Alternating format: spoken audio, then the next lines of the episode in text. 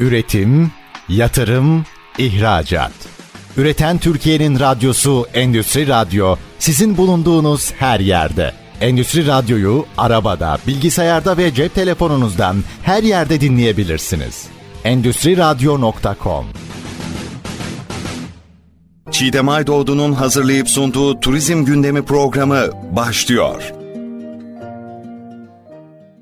Merhaba sevgili ST Endüstri Radyo dinleyicileri. Turizm Gündemi programında yine birlikteyiz. Konuğumuz Mustafa Kocagil. Biyolog, işletmeci ve Türkiye Biyologlar Birliği İstanbul Şube Derneği Başkanı. başkanı.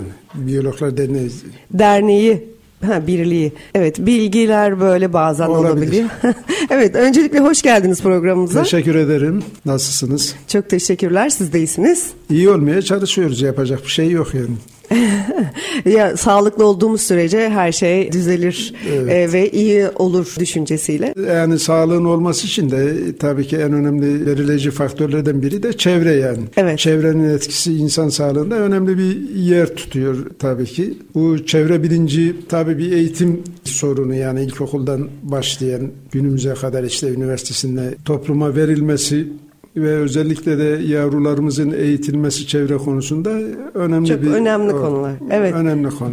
Evet Mustafa Bey şimdi biyolog olmanız nedeniyle tabii ki hayata da bakışınız, e, meslekler hayata bakışımızı yönlendirdiği için sizin hem işiniz hem de e, bakış açınızı farklı yönde birçok değerlendirirken de bizden daha başka bakmanızı sağlıyor. Çevre deyince tabii ki turizmde çok önemli koşullarından bir tanesi. Hani bu çevre dediğimiz zaman sağlığımızla birlikte bütün hayatımızı etkiliyor ama turizmi herhalde iş olarak en çok etkileyen sektörlerden bir tanesi. Şimdi ben mesleğimle ilgili biyolog olayını biraz açmama e, müsaade ederseniz. Hayata dair her şey müdahale eden bir bilim. Yani netice itibariyle biyoloji ve bütün bakanlıklarda kadrosu olan tek bilimde şeyde. Fakat e, maalesef bu ülkemizde yani değerlendirilmekte biraz zorluk çekiliyor. Yani kadrolar verilmiyor veya ucuz yani bilim yani İş gücü olarak. iş gücü olarak veya araştırma olarak biyolog olmak araştırma temelinde gelişiyor. Nitekim de zaten hani en son bu Müsilaj olayı. müsilaj olayı değil yani Covid olayını da yani çözümlemeye uğraşan bilim adamlarının çoğu yani biyolog araştırmacı kurumlarda çalışanlar. Şimdi çevrede en önemli sorun yani günümüz İstanbul'da yaşadığımıza göre deniz kirliliği. Çoğumuz bunun gündeme ne zaman geldiğini, niye geldiğini de bilmeden bir gün denizin yüzeyinde garip garip renkleri, işte en sonda yumurta akı gibi müsilaj dediğimiz böyle bir sıvıları görünce ne oluyoruz demeye başladık. Panik ve korkuyla, evet Yani endişeyle. Zaten biz başımıza bir şey gelmeden geleceği pek okuyamıyoruz. Yani bizim öyle bir özelliğimiz var millet olarak da. Ben Türkiye Biyologlar Derneği Başkanı iken bizim hidrobiyolog arkadaşımız var. Onun hakkını bu konuda kendisine teslim etmekte yarar buluyorum yani. Levent Artuşlu hidrobiyolog arkadaşımız esas bu babadan kendisine geçen Marmara Denizi ile ilgili bir araştırma projesinin başında olan bir arkadaş. Birlikte ne yapabiliriz konusunda işte araştırma gemisinde çalışacak talebeleri ve biyologları temin etme konusunda bir işbirliği yapmıştık. Ve o çalışmanın sonunda bunun ne olduğunu arkadaşımız anlatınca biz de farkına vardık yani işte Marmara Denizi'nde bir şeyler oluyor. O rapor haline getirdi arkadaşımız. Siz bu çalışmayı yaptığınızda yıl kaçtı? Biz ilk yani girdiğimizde konuya 2009'du. 2009'da peki böyle bir müsilaj gibi bir doğa olayının geleceği belli miydi? Önceden öngörülebiliyor muydu? Şimdi oradaki olayı ben size gene anlatayım. Biz dedik ki bir basın açıklamasıyla kamuoyuna duyuralım. Marmara Denizi foseptik çukur diye. Yani aynen net böyle medyada, basında bu ifadeler yer aldı. Sene 2009. Aradan kaç yıl geçti? 13 yıl. Fakat bunun daha öncesi de var yani. Bu Marmara Denizi'nin kirliliği üzerine yani. İşte bazen bu deniz anası olarak çıktı, bazen renk değişimi olarak çıktı. Ne zamandan başladı bu? 89 yani 86 İstanbul işte İSKİ'nin yaptığı master planlar bu atıkların nasıl nereye nasıl göndereceği konusunda çünkü kent büyüdükçe sorun da büyüyor yani. Evet. Haliç'i ne yaptı o zaman Dalan? Gözlerimin rengi gibi mavi yapacağım. Kokudan geçilmiyordu işte yani. Turizm olayını da belirleyen bakın Haliç kokusu. Oradan insanlar geçemiyor. Diyelim ki bir konaklama yapamıyordu. Oranın temizlenmesi nasıl oldu? İşte kolektörlerle temizlenip ahır kapıdan başka bir yere sevk edildi. Yani sorun orası için çözüldü ama başka bir yerde başlamasına neden oluyor. Yani bir yerde evet. bir şey başlıyor başka bir şeye neden oluyor. Yani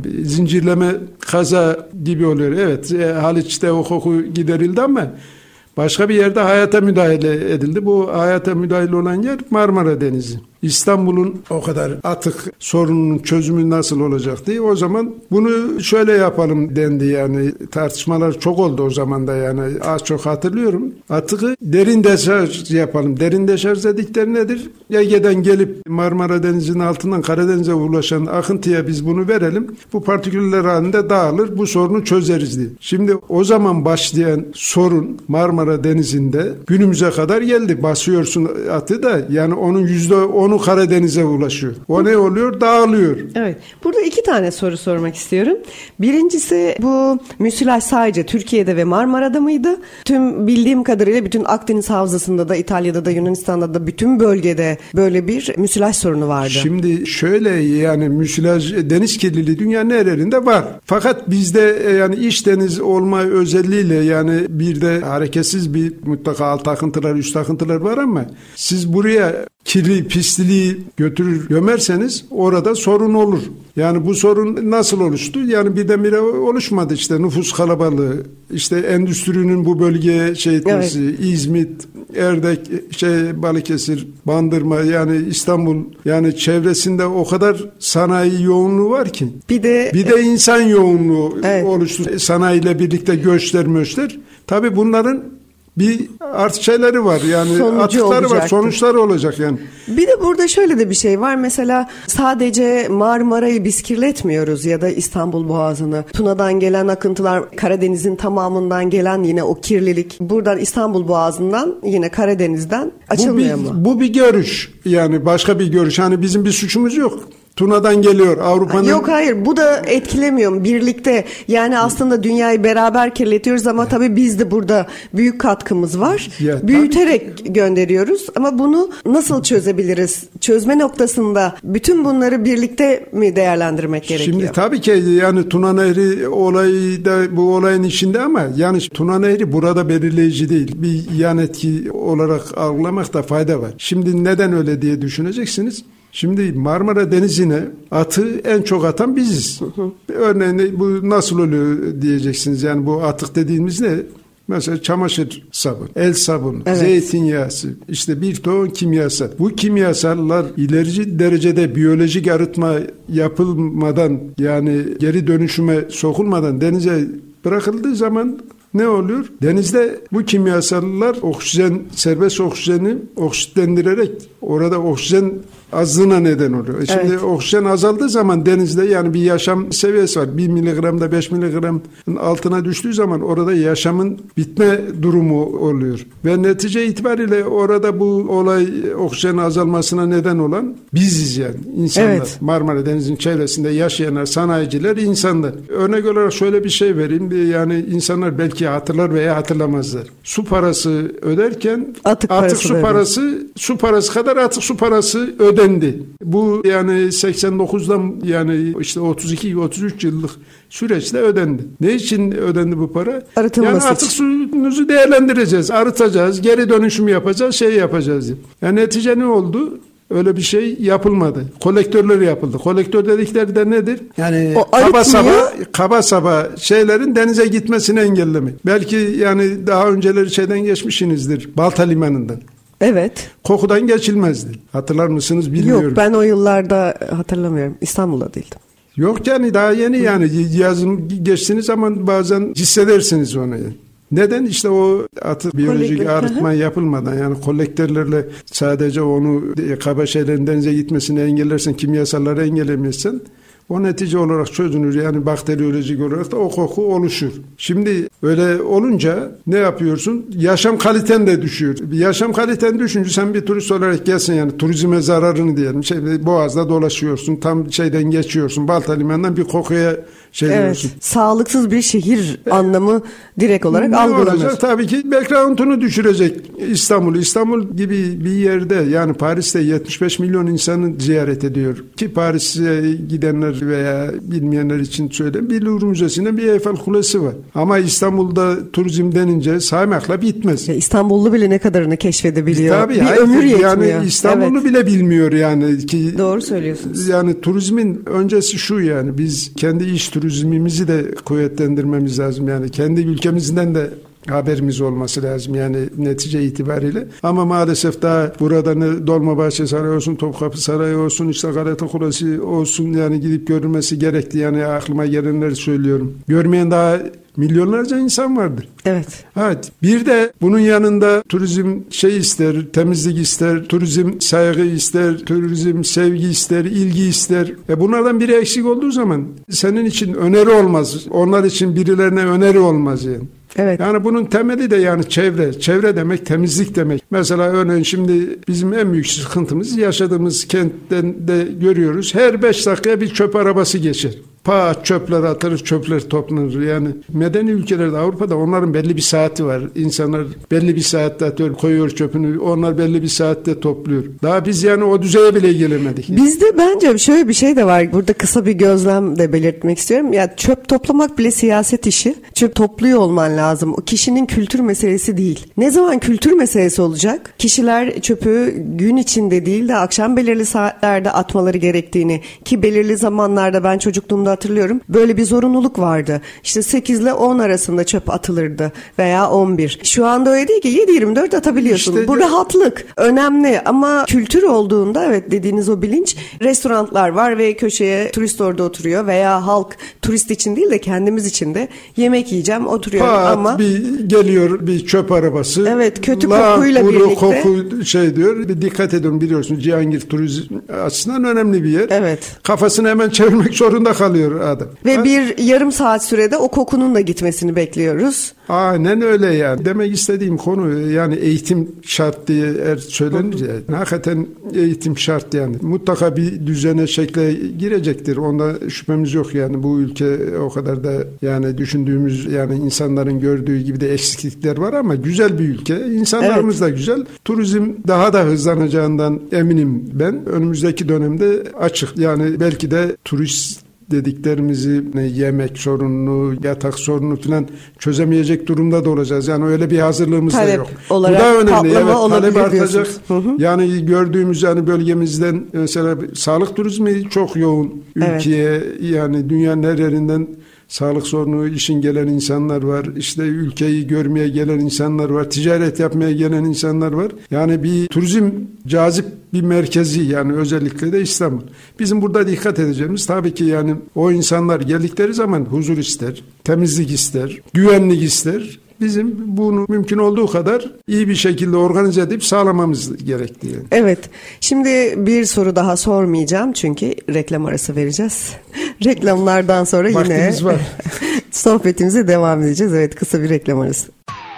Üretim, yatırım, ihracat. Üreten Türkiye'nin radyosu Endüstri Radyo sizin bulunduğunuz her yerde. Endüstri Radyo'yu arabada, bilgisayarda ve cep telefonunuzdan her yerde dinleyebilirsiniz. Endüstri Radyo.com Evet sevgili ST Endüstri Radyo dinleyicileri Turizm Gündemi programımızda konuğumuz Mustafa Kocagil ile sohbet etmeye devam ediyoruz. Evet bu bölümümüzde daha çok çevreyle ilgili konuları ele alıyoruz. Çevre ve turizm. Şimdi müsilajdan konuştuk da biraz daha çevre bilincinden arttırmak adına böyle biraz daha bilgi verelim istiyorum. Tam anlamıyla müsilaj kirlilikten oluşuyor. Ama bu müsilajın ana yapısı aslında bir bakteri diye siz Organik bir madde yani. ee, evet, organik bir bakteri ve bunun ağır kimyasallara maruz kalmasıyla çoğalması Şimdi mı oluyor? Şöyle anlatayım yani denizde oksitlenme fazla olduğu için yani yaşayan türler sıkıntı çekerken alternatif türler oluşur yani işte bunlardan biri de organik bir madde olan müsilaj. Yani bunun sebebi kim? Sebebi bizleriz yani. Evet. Neden bizleriz? Atıklarımızı denize arıtmadan geri dönüşüm yapmadan atınca orada başka organizmaların yaşamasına neden oluyoruz. Bu organizmalar nedir? Rahatsız edici. Ne yapıyor? Orada hayatı kısıtlıyor başkaları için. Görüntü kirliliği oluşuyor. İşte bakıyorsunuz denizin bir tarafında böyle sabun köpüğü gibi görünümler. İşte Endişe değişik verici. renkler, endişe Evet. verici. Yani ne diyorsun hani bakınca Allah Allah ne oluyor diyor gören şeyden. Ama bunun sebebi biz. İnsan. İnsan yani. İnsan zaten netice itibariyle kendi öyle derler pisliğinde boğulacak gibi gözüküyor yani bu gidişte. Evet. Çünkü yani bunun önlemini almazsanız sadece pansumanla Evet. olmaz. Şimdi Şu anda sadece pansuman mı yaptık? şu anda sadece pansuman yapılıyor. Çünkü yani o sonucu neden olan şeyleri, önlemlerin alınmıyor. Herkes aldığını söylüyor ama ne müsilajı bitiyor, ne denizin kirlilik rengi bitiyor, kırmızı oluyor, yeşil oluyor, işte balıklar ölüyor. Yani tabiat olayları gibi gözükse de ama bu tabiat olaylarına müdahale olan insanoğlunun kendisi. Bunun için ne yapılmalı? Yani bu denizde oksijenin artması gerekti. Sen hava basmayla oksijen vermeyle olmaz. O mümkün değil. Ne yapılması gerekti? Oksijenin yenilenmesi yani kendini koruması için denizin kirletilmemesi lazım. Kirli bir denizde bu tür şeyler olur. Bu turizmi de direkt etkileyecek netice itibariyle. Yarın Marmara'yla kalmayacak. Ege olacak turizm bölgelerimiz. Akdeniz'e doğru inecek. Yani bu Bodrum'da da görüldü. Çanakkale'nin girişinde de görüldü. Çok geniş bir bölgedeydi, evet. Geniş bölgede görüldü. Şimdi denize gireceksin. Nasıl gireceksin? Sen turistsin veya yerli turistsin. Olmuyor. Yani olmaz. Çünkü bunun e, yani acil çözülmesi lazım yani. Katilin tabancasıyla ilgilenmemek lazım. Katille yani onu katleden nedeni bulmak lazım. Biz hep her zaman yaptığımız şey bu. Sivrisineklerle uğraşırız. Bataklık durur. Bataklık kurulmadan sivrisinekleri toplaman bir anlamı yok. Yani mesela en son Çevre Bakanlığı bu müsilaj olayında Çevre Bakanlığı ve İBB İstanbul Büyükşehir Belediyesi işte şu kadar müsilaj topladık. 3 ton, 5 ton, 7 ton. Yani bitmez ki. Yani sivrisinek toplamayla sivrisinek biter mi? Bataklığı kurutman lazım. Burada bataklık Marmara Denizi. Marmara Denizi'nde bunların oluşmasını engelleyecek tedbirleri alırsanız sorunu çözümlersiniz ama hemen birdenbire bunun mümkün değil yani. Sihirli değnek olsa yani müsilajın tüm hepsini toplasın müsilajın oluşumuna engel olamazsın yani. Evet. Netice itibariyle. Bir de günümüzde teknoloji o kadar ilerledikten sonra yani evimizdeki artık arıtma cihazları minimal hale geldi. Evimizde bile bulundurabiliyoruz. Çöp öğütme makinesinden arıtma, su arıtma cihazına kadar. Hatta kullandığımız suyu bile bireysel olarak aratabilecek mekanizmalara geldi durum. Bu kadar teknoloji varken bunu başaramamak, yapmamak anlamına mı geliyor? Şimdi yine şeyde dönüp dolaşıp sonuçta yönetme, siyaset yani birbirinden bağlantısız şeyler değil yani. Az önce reklamdan önce de söyledim. Atık su parası toplandı. Evet, hala toplanıyor. Ne yaptınız sorusunu ben rahmetli Çöp şey e, vergisi Kadir, var. He, Kadir var. Topaş Bey'e sordum. 2009 yılında sordum. Tabii şaşırdı yani böyle bir soruyla. Ya, haklı, o da haklı. Ben de haklıyım yani netice itibariyle. Dedim ki ya Sayın Başkan yarın bu Marmara Denizi'nde balık türü de kalmayacak. Böyle samimi bir sohbetimiz de oldu. Neyse ondan sonra ertesi gün aradı Kadir Bey e, ekipten şeyden. Çok doğru bir konuya temas ettiniz. Yani biz bu biyolojik arıtmayı Ataköy'de başlatıyoruz, yapacağız acilen diye. 250 bin metreküplük bir ileri derece biyolojik arıtma yaptılar. 6 ay sonra da açıldı. Evet. Yani netice itibariyle uyarımızı dikkate aldılar. Sonradan da şey de başladıydı Ambarlı'da yani takip ettiğimiz şey amacıyla. Yani bizden o para alındı. Hala devam ediyor. Alınıyor. Hala, hala da alınıyor. Yani bu yani siyasi bir olay derken yani bütün yönetimlere Parti şeyle şey- alakası yok. Aynen doğru yani çevre bilinci olan bütün belediye yöneticisi şu konuyu biliyor. Alıyorsunuz yapacaksınız. Başka yere harcamayacaksınız. Olayın esprisi bu. Aslında şu anda yaşamlar sitelere taşındı ve bir sitede 3000 konut, 5000 aile, Aynen. hane var. Aslında çözümü oralardan daha ana arıtmaya vermeden ve işletmelerde, mekanlarda ana arıtmaya vermeden arıtılabilir. Mesela bu turizm ve otellerde çok kullanılan, kendi enerjisini yaratan akıllı sistemler getirildi ve akıllı binalarda suyu arıtıp tekrar çimlerde kullanılıyor ve bu tarz sistemler var. Yani bunu tamamen zorunlu hale getirilse veya bu tarzda ve denetlenebilir tabii ki zorunlu olmasının yanında denetlenebilir olması bir nevi çözer mi? Lokal olarak dediğiniz şeyler e, yani fazla olmadığı için yani şimdi mesela siteler dediğiniz ya İstanbul'da yaklaşık 15 milyon insan var. 15 milyon insanın 5 kaçı milyonu. 3 milyonu veya 5 milyonu sitelerde otursa geriye kalan 10 milyonu ne yapacağız? Onlar orada çözdük. Yani çözüm teknolojiden ziyade teknolojiyi iyi kullanmaktan da geçiyor yani. Sen gerekli teknolojik donanımları hayata geçirmezsen yani neye dayanıyor? Ekonomiye. İşin ucu Evet, neye dayanıyor? Paraya. Eğer sen para harcamazsan insanın için, halkın için bu sorunlardan kurtulamazsın yani. Şimdi 10 milyon yalnız evler var tek tek. Onlar ne yapacak? Hala evindeki pili çöpe atan, hala evindeki zeytinyağı musluğa boşaltan, Kullandığı atık yağı. kullandığı bütün atıkları işte çamaşır suyu buyu atan toplum olarak onların suçu değil. Onları yönetenlerin suçu yani. Onun planlamasını yapacak yani hani diyecek ki yani belli bir merkezde toplansın bunlar. Geri dönüşümü dönüşsün, geri dönüşülmeyen şey. Yani bu uzun vadeli bir planlama gibi gözükse de yani önlemek için bir yerden başlamak lazım yani. Evet. Yani başlamanın şey sebep olduğumuz şeyi Engellemek. engellemek yani en azından daha kendimiz yapıyoruz. Evet. daha da artarak devam etmesinin önüne geçsek zaman içerisinde Yani bu neye benziyor biliyor musunuz? Askerlik yapmadığınız için bilmezsiniz. Size bir askerlik şeyini anlatayım. Sabah kalkarsınız içtimadan sonra mıntıka temizliği denilen bir olay var. Önde gidenler sigara içer, atar arkadakiler toplar. sebep Yani mıntıka temizliği yapıyoruz ya yani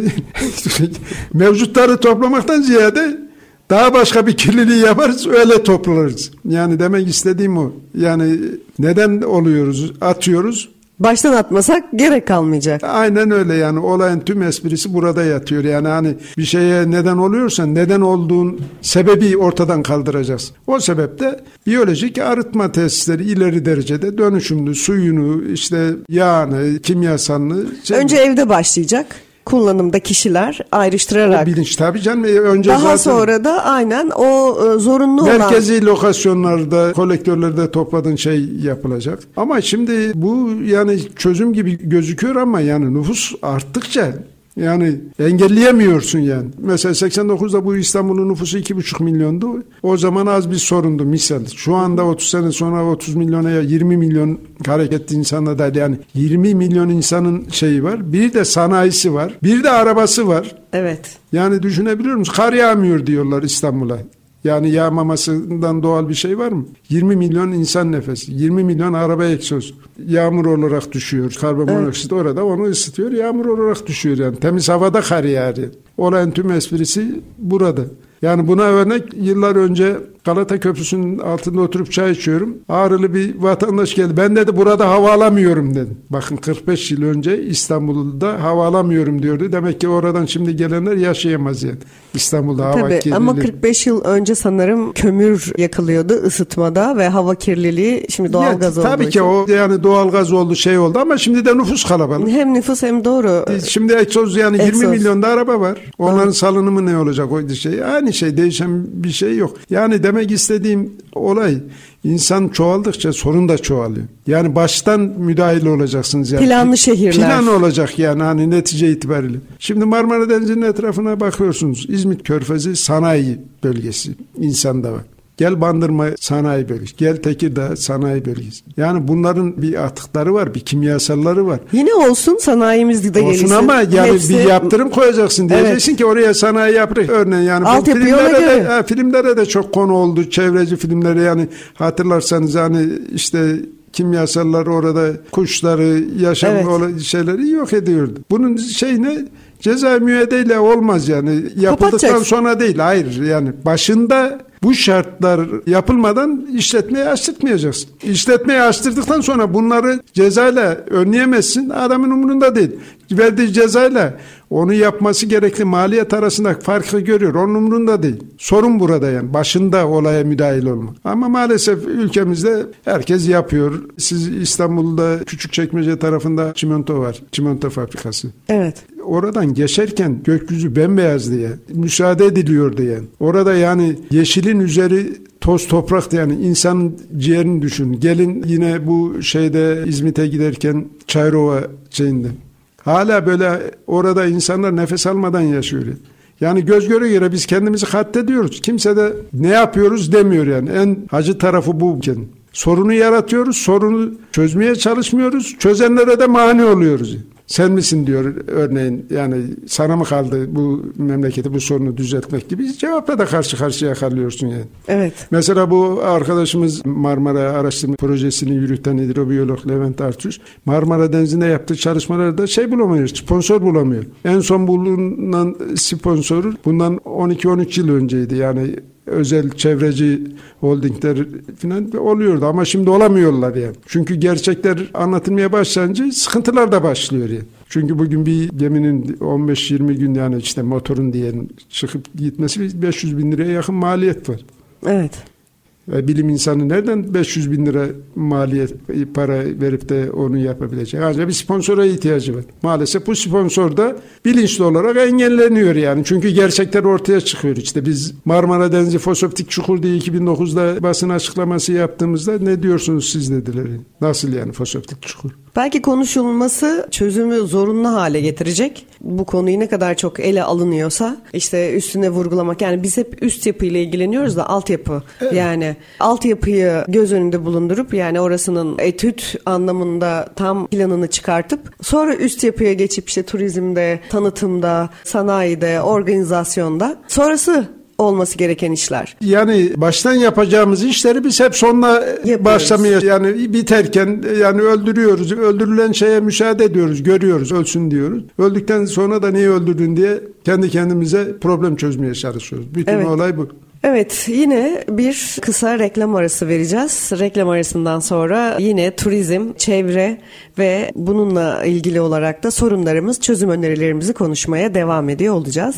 Şimdi kısa bir reklam arası. Üretim, yatırım, ihracat. Üreten Türkiye'nin radyosu Endüstri Radyo sizin bulunduğunuz her yerde. Endüstri Radyo'yu arabada, bilgisayarda ve cep telefonunuzdan her yerde dinleyebilirsiniz.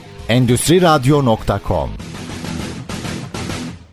Evet sevgili ST Endüstri Radyo dinleyicileri Turizm Gündemi programımızda konuğumuz Mustafa Kocagil ile çevre ve turizm konusuna sohbet etmeye devam ediyoruz. Evet ana konumuz deniz turizminden ve kitle turizminden büyük umutları olan bir ülke olarak özellikle denizimizi nasıl temiz tutarız ve çevremizi temiz tutarak gelecekte hem nesillere aktarırız hem de turizmde de daha fazla turist çekeriz ülkemize. Bunlarla ilgili konuştuk. Ben bir şunu merak ettim. Siz şimdi Cihangir'de bir işletmeniz de var var. Evet. Ondan sonra gayet de keyifli bir mekan. Nasıl gidiyor bu var, sezon? Bu sezon gayet güzel gidiyordu ama şu son bombalama olayı biraz şey yaptı yani. Düşürdü Taksim'deki elim evet. ve talihsiz demiyoruz. Kötü ve yani terör olayı. İnsanlık evet. dışı bir olay yani terörün savunulacak tarafı yok. yok. E, gerçekten insanlık suçu yani ama maalesef ülkemizde ara sıra olan şeyler yapacak bir şey yok. Evet. Ama yani şimdi Noel nedeniyle de yurt dışına yabancıların büyük kısmı çıkar. Yani Ruslar ayın 15'ine kadar Ocağa kadar da yani böyle bir stabil durum söz konusu yani turizm sakin işletmeler olur. açısından yani bir ay falan sakin geçer. Ama genelde iyiydi yani hani bu bomba olayından önce yani yaz turizmde işte Avrupalısı, Rus'u falan hareketli geçiyordu. Ama olacak böyle şeyleri. Evet yani geçici bir süre diyelim ve bir daha da böyle olayların olmamasını dileyelim ki çözebileceğimiz konular olsun. Çevre temizliği işte düzen gibi konular. O yüzden de evet bir daha ne ülkemiz e, ne de dünya İnsanlık suçu yani dünyanın her neresinde olursa olsun terör insanlık suçu yani bütün dünya artık bu yönde elinden ne geliyorsa yapması gerekti yani bir, bir çözüm değil yani insan öldürmek bir canlıyı yok etmek yani kimseye bir fayda sağlayacak bir şey değil. Evet. Sonuç değil. Kesinlikle. Çok böyle hani olayın siyasi değil de sizin mesleğinizle alakalı olan kısmıyla ilgili sormak istiyorum. Kanal İstanbul. Çok konuşuluyor, çok tartışılıyor. Elbette ki olayın ticari bazı artıları olabilir, belki siyasi büyük avantajları olabilir ama bir biyolog olarak çevreye nasıl bir yansıması olur? Şöyle yani bunun için biyolog olmaya falan gerek yok. Netice itibariyle mantık olarak Kanal İstanbul İstanbul projesi hayata geçtiği zaman oraya ne olacak? Yani bir kent kurulacak. Yani netice itibariyle 5-10 milyon insanın taşınması demek.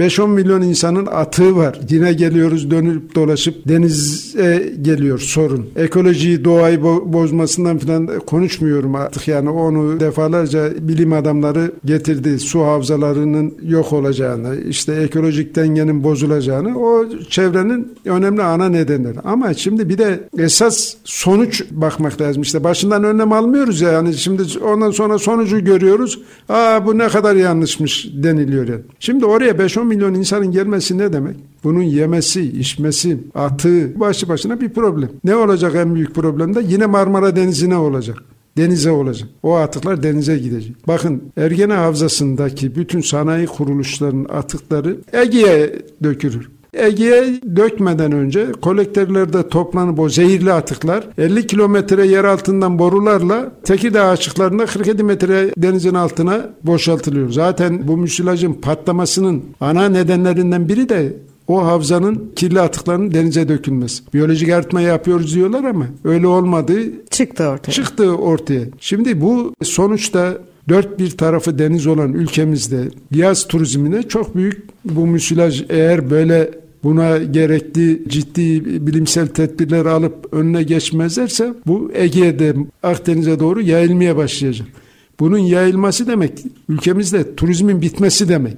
Bir de başka bir soruna neden olacak. Yarın uluslararası problem de doğacak. Ege Denizi ortak deniz, Akdeniz ortak deniz. Şimdi kimse üzerine şey almayacaktı. Türkiye yapıyor diyecek. Yani açık ve net buradan kaynaklanıyor diye. Turizm kesilecek. Marmara Denizi'nde canlı türü kalmayacak. Bakın 1925'te 124 tane balık türü var Marmara Denizi'nde. Şu anda ticari şey anlamında göçücü geçici balık türlerinin dışında yani bir istavrit var yani ticari olarak şeyde bilecek denizde bulunan. O da olmayacak bu gidişle yani.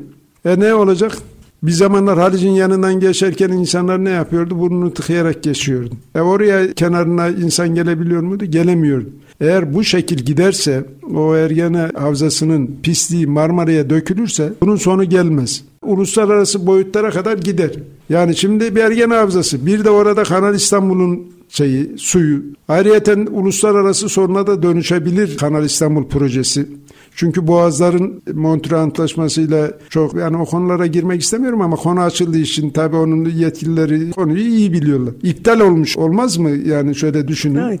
Karadeniz'e yani... çıkacağım ben. Para verip şeyden Boğaz'dan niye geçeyim? Veya mesela savaş gemimi geçireceğim. Ne bilmem Boğaz'dan geçemez. Belli bir evet. gün kalır gelir. Oradan olarak... direkt çıkar gelir. Evet. Peki altyapısı en iyi şehir diye dünyada örnek gösterebileceğiniz bir yer var mı? Valla dünyada sorun yoksa hepsi iyi demek. Sorun bakıyorsunuz altyapı bizim şehrimiz İstanbul. Büyük kentlerimiz daha doğrusu tek İstanbul demek doğru değil. Bizi denizde entegre olduğumuz için çünkü başka bir canlıyla da muhatabız yani orada denizin içinde yaşayan canlılarla. O gündeme daha çabuk oturdu yani.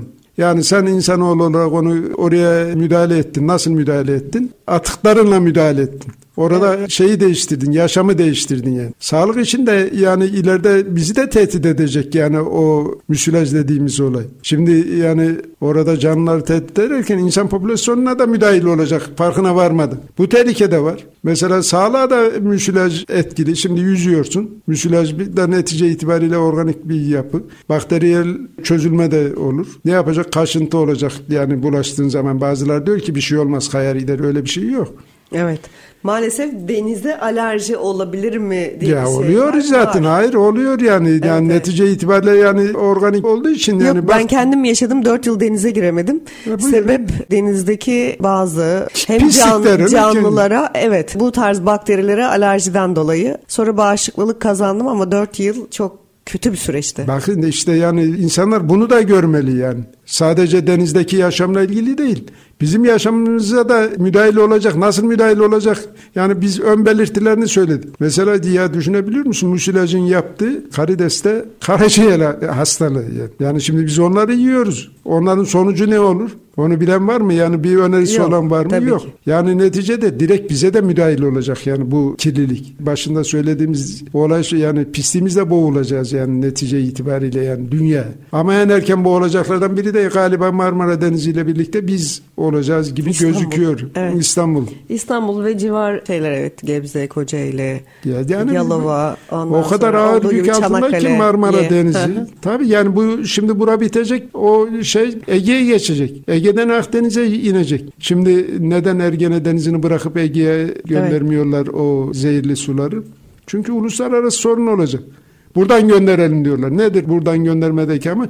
Hani ileriki yıllar ne olur olmaz. Hani bir zaman kazanın. Yani çözüm üretme değil. Çözümsüzlüğü uzatma. Evet. Peki bu tarz tabii bu müsilaj ayrı bir konu ve bunun değerlendirilecek ve çözülecek yöntemlerine de kısa kısa değindik. Ama bununla birlikte pandemi gibi olaylarda, insan yapısıyla ilgili olaylarda tekrarlanabilir mi? Bu konularda sizin öngörünüz nedir? Vallahi yani artık virüsler yani oranın insanoğlundan önce gündemde olan yani virüs yeni bir şey değil. Virüsler zaman zaman işte domuz gribi olarak çıkıyor. Zaman zaman deve ne bileyim ne olarak işte mikrop olarak çıkıyor. Yani bitmez. Artık Kuş yani gribi vardı bir ara. işte bir ara kuş gribi vardı. Yani şimdi mesele ne biliyor musunuz? Dünyada sağlık çok önemli bir sektör. Yani sağlık harcanan para önemli bir sektör. Milyarlarca dolar insan sağlığına harcanıyor. Yani şimdi bütün gelişmiş ülkeler silahtan çok sağlık sektörüne yatırım İlaçla, yapıyorlar. evet. İlaçla yani. Yani de- şeyin boyutu değişti. Savaşın boyutu değişti. Yani benim yani kişisel Biyolojik görüşüm savaşlar daha yani daha değişik e, savaş türleri insan sağlığı üzerinden gelişecek yani. Çünkü hem maliyeti ucuz hem kazancı yüksek yani. Dünya o yöne girdi. Şimdi yapma virüsler de çoğalacak. Yani bunun şeyden kendi sonra... kendimize yarattıklarımızda tabii böyle Aynen. Artık insan Önlem. şeye alışacak yani. Virüsle yaşamaya alışacak. Artık yani şimdi bir popülasyon, insan popülasyonu nereye kadar dayanacak virüslere? Sonuçları ne olacak? İleriki zamanda göreceğiz. Ama Covid türü virüslerle yaşamaya alışacağız. Yani herkes zaten alıştı. Şimdi Evet. mesela bu sene dikkat edin pandemide hapşuran tıksıran var mıydı? yoktu. Şu anda bütün sokakta her 10 kişiden 9'u hapşurarak şey ederek geziyor. yani. Ya mesela orada kişisel bilinç yine önemli. Eskiden Japon turistler falan geldiğinde Maskeli. hep maskeyle Evet. gezerlerdi. Ama aslında toplu taşımada mesela maske sürekli zorunlu olsa. Aynen olması da gerekli. Sos, biz bilinci yüksek insanlar ben küçük biraz fiziksel kırgınlık hissettiğim an maskesiz toplu taşıma veya kalabalık alanlara girmiyorum. Ama genelde o şekilde değil. Yani toplu taşımada veya kapalı alanlarda gerçekten yapmaları lazım. Yani çünkü sıcak virüsü geliştirir. Yani o sıcak alan olduğu için netice itibariyle hem yayılması da kolay oluyor. Dip dibesin. Yani bir nefes alma, bir işte öksürme, tıksırma şeydir. Özellikle kapalı alanda yani virüs bitmedi. Acil tedbir olarak alınmalı. Yarın karşımıza ne boyutta çıkacağı belli değil ama boyutu belli yani. Şu anda herkes bu virüste yaşıyor. Sabah uyanıyorsun boğazında bir gıcıklık var veya hapşuruk başlıyor. Yani alerjik durum oluşuyor. Yani insanlar hemen hemen çoğu alerjik bünye Evet. sahibi oldu yani bu hem virüsten hem de aşılardan. Aşılar da yani konuşulacak bir konu. Kesinlikle. Evet programımızın son iki dakikasındayız. Güzel böyle bir sohbet ve değişik konulara değindik. Evet turizm ve çevre üzerine ve çevrenin hayatımızda çevre temizliğinin, hijyenin ve bilincin önemine de daha çok değindik. Son olarak sizin ilave etmek istediğiniz konu var mı veya bir Evet. öneri var mı? Önerim şu yani çevre eğitimine ilkokul, anaokulundan itibaren başlanması gerekli bir konu. Yani alfabelere işte ali at belli tut çöpü atma, temizliği sev işte yani bunu eğitim olarak çocuklarımıza bilinçlerine yerleştirmek lazım. Yani toplum bir fertten başlar üste kadar örgütlenir. Örgütlenme de bilinçle olur yani. Evet. Yani görüyoruz mesela şeyde geçen bir animasyon seyrettim. Japonya'da çocuk eğitiminde otobüste çocuğun biri şoför olmuş. O anda herkes oturmuş çocuklarda. O anda otobüse binen bir yaşlıya hepsi birden ayağa kalkıp yer veriyor. Yani bak o yaşta eğitiliyor. Veya de diyor ki çöpü atma işte alıyor yerden bir şey. Yani. Bu eğitim sorunu. Yani bu şey sorunu değil yani çözüm sorunu değil eğitim sorunu. Zaten Çözüm problemi- eğitimde. Evet yani eğitimi verirsin çözüm kendiliğinden gelir yani. Çözmek için uğraşmazsın. Sorun bu. Eğitim Evet. şart. Basit. Bir de sor- evet konunun soruna dönüşmeden temelde Baştan. e, planlamasının düzgün yapılması gerekiyor. Evet konuğumuz Mustafa Kocagil ile çevre ve turizmi konuştuk. Bundan sonraki zamanlarda da umarım müsilaj veya çevre kirliliği değil de daha farklı güzel. güzel konularda Evet. turizmi Turizm üzerine konuşuruz ileriki günlerde. aynen bir programda da görüşmek üzere diyorum. Çok teşekkür ediyorum katıldığınız Ben için. de teşekkür ederim.